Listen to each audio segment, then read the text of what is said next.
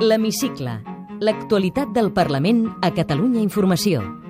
Amb Jordi Corbalan i el muntatge musical de Salva Pou. Por, por. No, por no n'he tingut mai, faltaria més. A part, estic convençuda que, que això no passarà, ni m'ho plantejo, perquè, és clar seria un atac antidemocràtic a la presidenta Forcadell no li passa pel cap que la puguin inhabilitar. Ho deia al matí de Catalunya Ràdio l'endemà que el Tribunal Superior de Justícia li comuniqués que serà investigada per haver permès el debat i la votació de les conclusions de la Comissió d'Estudi del Procés. Just la setmana que s'ha complert el primer any de l'onzena legislatura. Benvinguts a l'Hemicicle. L'Hemicicle. L'actualitat del Parlament a Catalunya Informació. Ciutadans i el Partit Popular creuen que Carme Forcadell hauria de deixar la presidència del Parlament. La senyora Forcadell no pot ser la presidenta del Parlament. No pot ostentar la presidència del Parlament de Catalunya una persona que ha pres aquestes decisions. El president del TSJ justifica per què el català no pot ser obligatori per fer de jutge a Catalunya. Si ahora estamos en un amplio índice de vacantes, nos llevaría al desierto judicial. La Creu Roja demana que els pressupostos del 2017 prioritzin els col·lectius que viuen en la pobresa extrema. Aquesta mirada amb aquest nucli de població hem de començar, però en els pressupostos ha de sortir. L'alcalde de Flix demana al govern que sigui més exigent per descontaminar els sols industrials d'Aircross. Posem molts les piles i comencem a treballar d'una altra manera, amb un alt nivell d'exigència i contestarà en una frase al qüestionari de l'hemicicle. Soc Assum Descar, diputada al Parlament de Catalunya i secretària d'Organització del Partit dels Socialistes de Catalunya.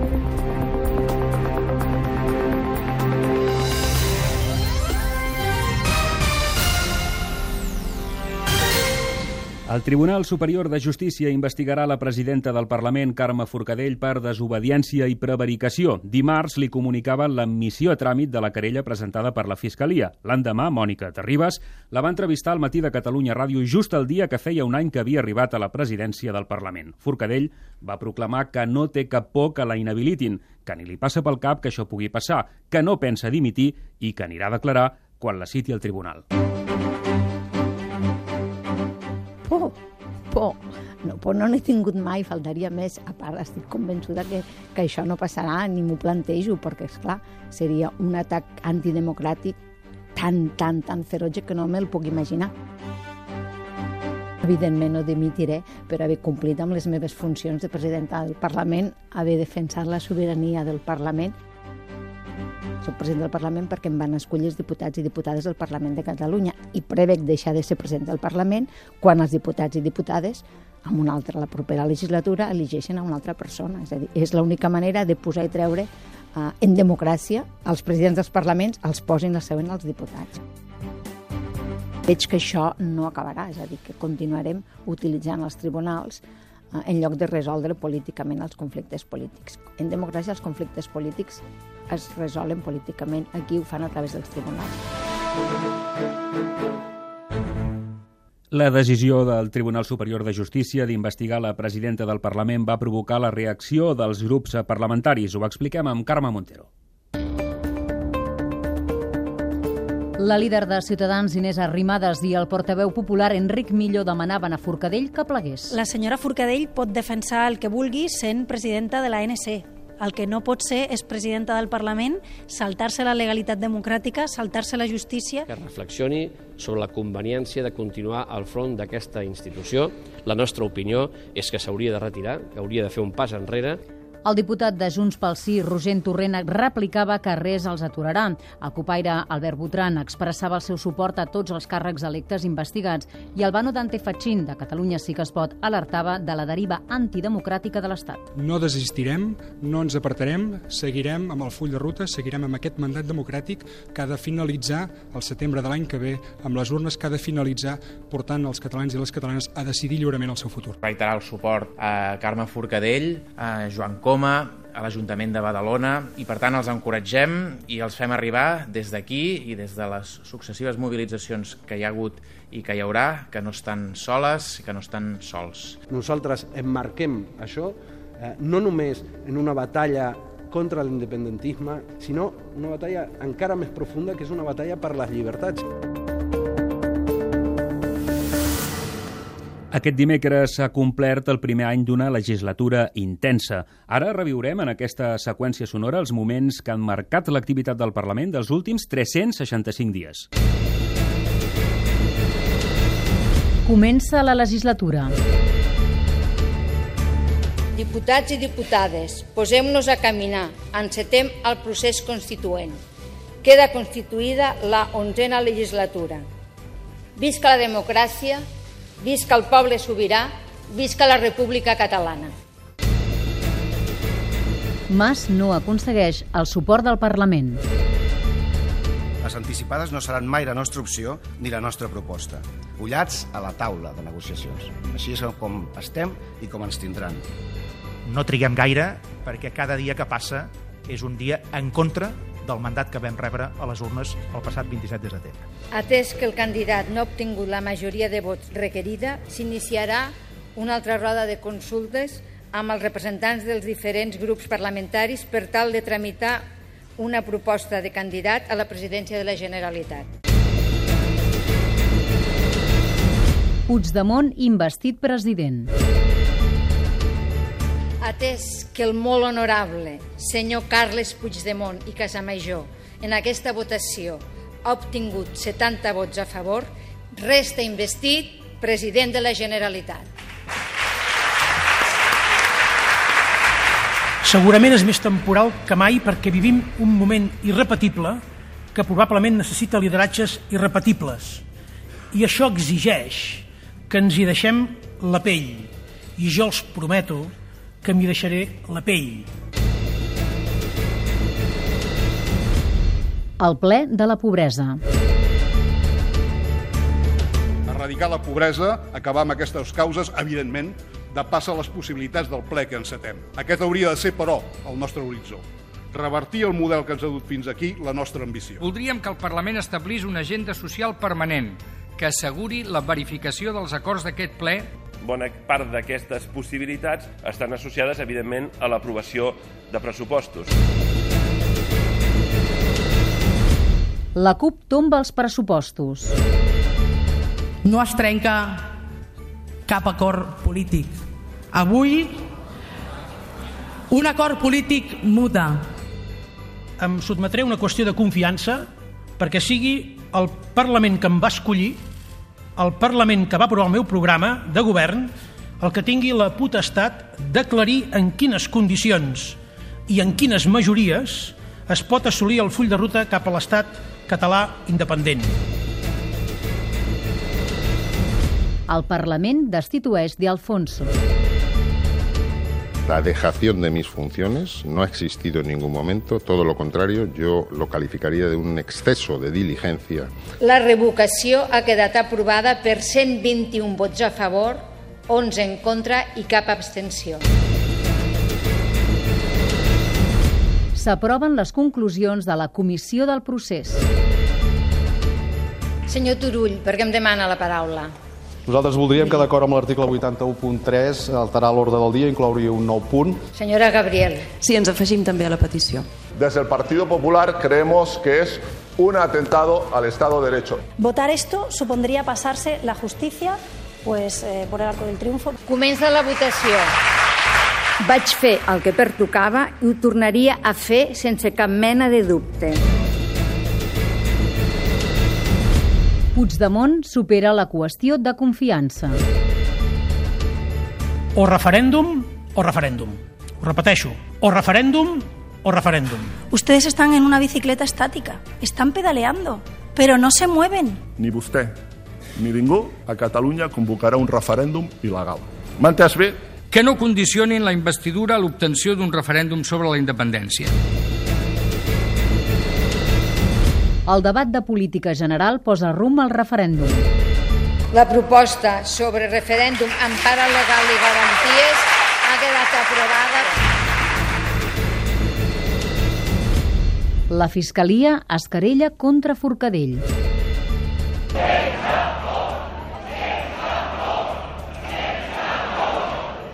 És que això no va de mi, no va d'una persona, això va de democràcia. L'Hemicicle. El Parlament a Catalunya Informació.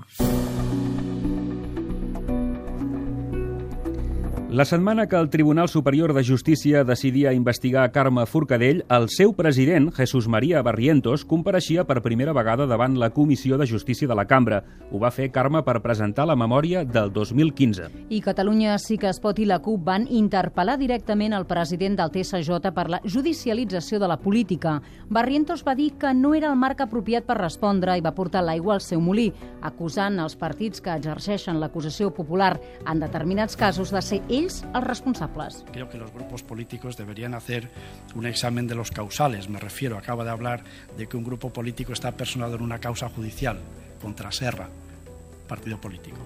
Hay otro partido político que está personado recientemente en una causa ante el Tribunal Supremo, también de connotaciones económicas o políticas, pero creo que esos son eh, las actuaciones que introducen esos elementos de politización. Aquesta resposta no va convèncer gens ni mica Joan Coscubiela ni Benet Salelles. M'estava referint a aquells casos on s'utilitza la justícia per judicialitzar conflictes polítics. Els que no disposem d'una fiscalia per utilitzar políticament contra els nostres rivals polítics, doncs tenim l'acció popular per utilitzar-la. En la seva compareixença, el president del Tribunal Superior de Justícia va defensar que el català sigui només un mèrit, no un requisit, per treballar als jutjats d'aquí. Barrientos creu que Catalunya és un destí judicial poc atractiu per l'idioma i va afirmar que mantenir el català només com a mèrit per treballar aquí és una mesura oportuna i suficient. Si ahora estamos en un amplio índice de vacantes, nos llevaría al desierto judicial. Lo digo porque con una planta de 810 eh, jueces y magistrados en plantilla, si orgánicamente se hubiese mantenido el carácter como requisito del conocimiento de la lengua, probablemente la planta judicial quedaría muy, muy reducida y probablemente mm, por encima del centenar corto de, de plazas judiciales. El català és residual en la redacció de sentències i resolucions. Suposa només el 8,4%, la dada més baixa dels darrers 10 anys. El Parlament ha donat llum verda aquesta setmana al nomenament de Joan Xirau com a nou director adjunt de l'Oficina Antifrau de Catalunya, amb l'única abstenció del Partit Popular. La Comissió d'Afers Institucionals va donar conformitat al nom proposat pel director de l'oficina, Miguel Ángel Jimeno, que va prendre possessió del càrrec el setembre passat, després que el Parlament va destituir Daniel de Alfonso per l'afer de les converses amb el ministre Fernández Díaz.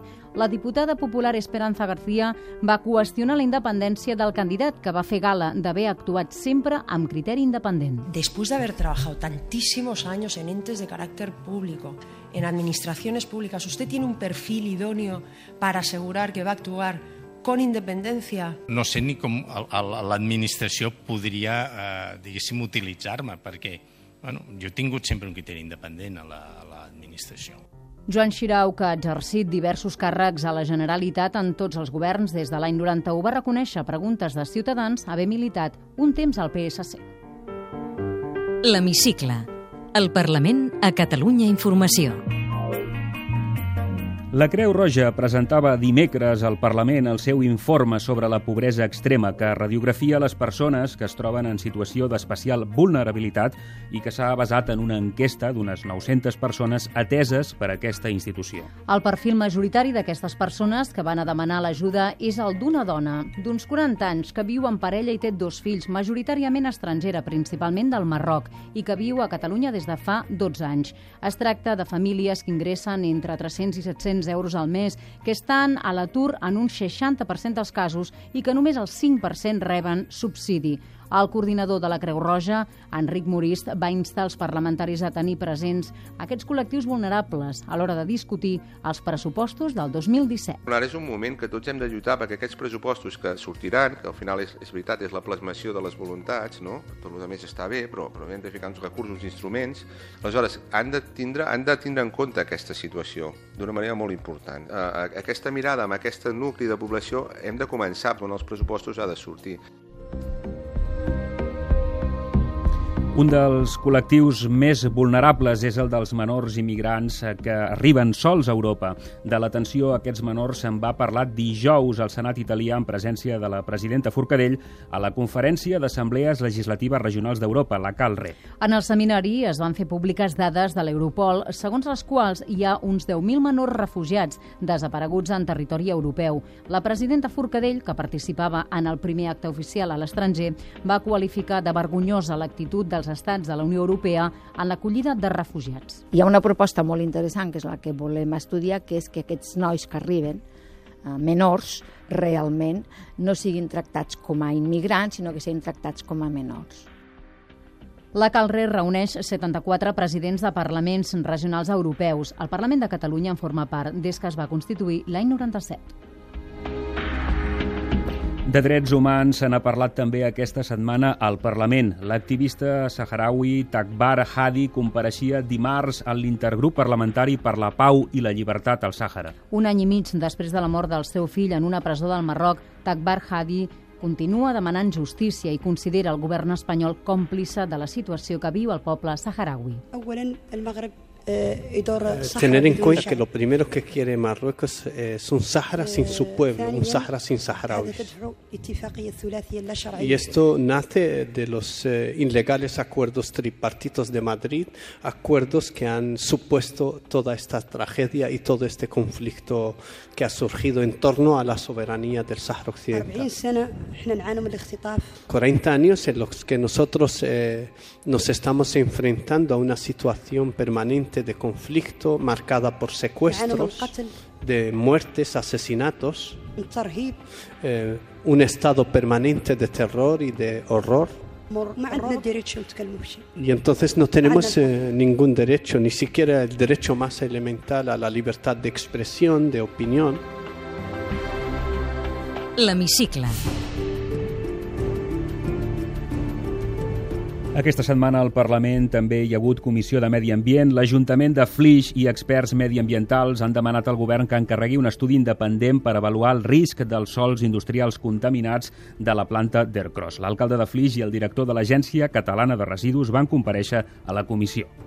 El professor del Consell Superior d'Investigacions Científiques, Joan Grimal, va proposar ampliar l'àrea geogràfica estudiada i va alertar de l'elevada presència de contaminants en el terreny. Tant per la varietat la toxicitat i les quantitats abocades eh, en, aquest, en aquesta zona, eh, el cas d'Aircross eh, constitueix un cas únic eh, i fonamental, o diríem enorme, de contaminació a Catalunya i a Europa, en el context de les plantes cloralcalines. L'alcalde de Flix, Marc Mur, que va venir al Parlament acompanyat d'un grup de veïns d'aquest municipi de la Ribera d'Ebre, lamentava l'escàs nivell d'exigència de l'Agència de Residus amb l'empresa Aircross. Posem-nos les piles i comencem a treballar d'una altra manera, amb un alt nivell d'exigència, però que aconseguirà que 40 hectàrees de terreny industrial no acabin sent un abocador a l'aire lliure. Que no acabem condenant la vida de la gent de Flix i del nord de la Ribera d'Ebre a contemplar 40 hectàrees de terreny on fins a 12 metres de profunditat en alguns punts hi ha contaminació. I el director de l'Agència de Residus, Josep Maria Tost, va defensar la validesa dels estudis que l'empresa Arcros ha encarregat a empreses acreditades. Des de l'Agència de Residus, en tot moment hem estat atents. En tot moment hem seguit de ben a prop tot el procediment. En tot moment, com a agència, hem intervenut quan ha calgut per garantir, un cop més, el compliment de la llei.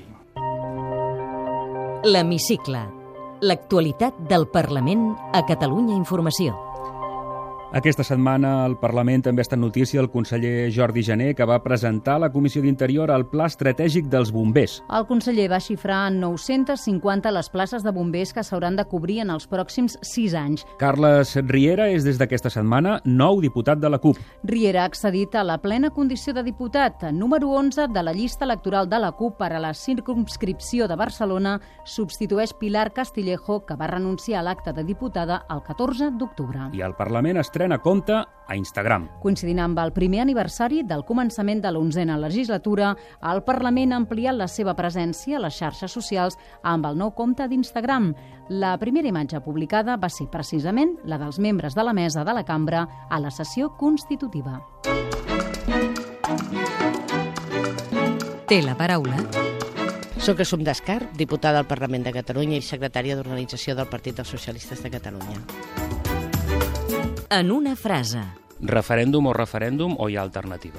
Nosaltres tenim una alternativa, que és l'alternativa la, de la reforma constitucional, que l'hauran de refrendar tots els ciutadans, tant d'Espanya com de Catalunya, i per tant referèndum, però a través d'una reforma constitucional. De què se sent més orgullosa d'haver-hi contribuït des que és diputada al Parlament? Bueno, jo porto els temes de, de salut i la veritat és que m'agrada i és un tema orgullosa, em sento del treball de cada dia, diríem, no tant pel que es pugui arribar a aconseguir, però sí de portar la veu dels ciutadans i de molts territoris de Catalunya a la Comissió de Salut amb les seves reivindicacions i els seus sentiments. Quina és la llei que més li agradaria aprovar aquesta legislatura? A mi m'agradaria fer una nova llei de l'Organització Sanitària a Catalunya. Fa té 25 anys i crec que val la pena tornar a aclarir en quins termes plantegem la sanitat i la política sanitària. Quina formació té Assumpta Escarp? Jo vaig estudiar dret. No vaig acabar, però vaig estudiar dret. Vostè és terrassenca. Quins vincles manté amb la seva ciutat de naixement? Mentre vivien els pares, doncs, un hi anava més. Ara la meva germana està allà i ara en aquest moment mantinc un vincle de, de visita, de visita a la família i, i sempre un lligam sentimental una terrassenca que ha anat molt a Barcelona, un, moment que, un bon moment que recorda com a regidora? Una de les coses que recordo, que tot i que sembla difícil o pot semblar estrany, és que vam patir diverses emergències i jo crec que vam fer unes bones una bona gestió de les emergències que va tenir la ciutat. Abans de fer-se del PSC havia militat en algun altre partit? Sí, del SUC. Un referent polític? Pasqual Maragall. Quines llengües parla? Pues català, castellà i l'altre ho parlo fatal, o sigui que ja quasi ni m'hi poso, tot i que ho he intentat estudiar sempre, més francès que anglès. Ja ha plogut molt, però de què feia abans de dedicar-se a la política? Pues jo era funcionària de la Universitat, eh, bueno, soc, perquè soc amb excedència de la Universitat Autònoma de Barcelona, vaig estar també en la creació de la Universitat de Pompeu Fabra i he estat sempre en el que és la part de l'administració de la universitat. Un parell de qualitats seves? Bueno, tinc més tanta paciència, encara que no ho sembli, també mal humor en un moment determinat, però bàsicament optimisme i paciència. Va, I un parell de defectes? Mm, bastants, diríem, eh? De tant en tant, com tothom, també es perden els papers. M'agrada, sóc bastant tossuda, i això a vegades pot molestar o pot semblar que vulguis imposar el teu criteri. Viu de lloguer o de propietat? De propietat. Té segona residència? Sí, tinc segona residència a la Cerdanya. Mútua? No, no, la pública. On s'escapa quan vol desconnectar del tot? Pues a la Cerdanya. M'agrada molt assentar-me allà i només decidir com, com posem la cadira, si més al sol o més a l'ombra. Carn o peix? Peix. Té traça als fogons? Bueno, sí, me'n surto. Algun plat que cuini més bé? Sèpia amb mandonguilles em surt força bona. Vostè es fa el llit o li fan? Me'l faig, me'l faig. Dorm amb el mòbil a la tauleta de nit? Sí. Quina banda sonora posaria a la seva vida? Tina Turner un racó de Barcelona per perdre's? Eh, potser serà sorprenent, però a mi m'encanta eh, fer una cosa que faig molt sovint, que és anar cap al Parlament, atravesso Santa Maria del Mar. Eh, penso que és la millor església de Barcelona. Jo no sóc creient, però és un racó que m'encanta. Què hi ha després de la mort? Per mi res, el que quedi del meu record. Què l'omple més a la vida? La meva família. Assumpta Escarp, diputada del PSC, gràcies per ser a l'hemicicle. A vosaltres per convidar-me.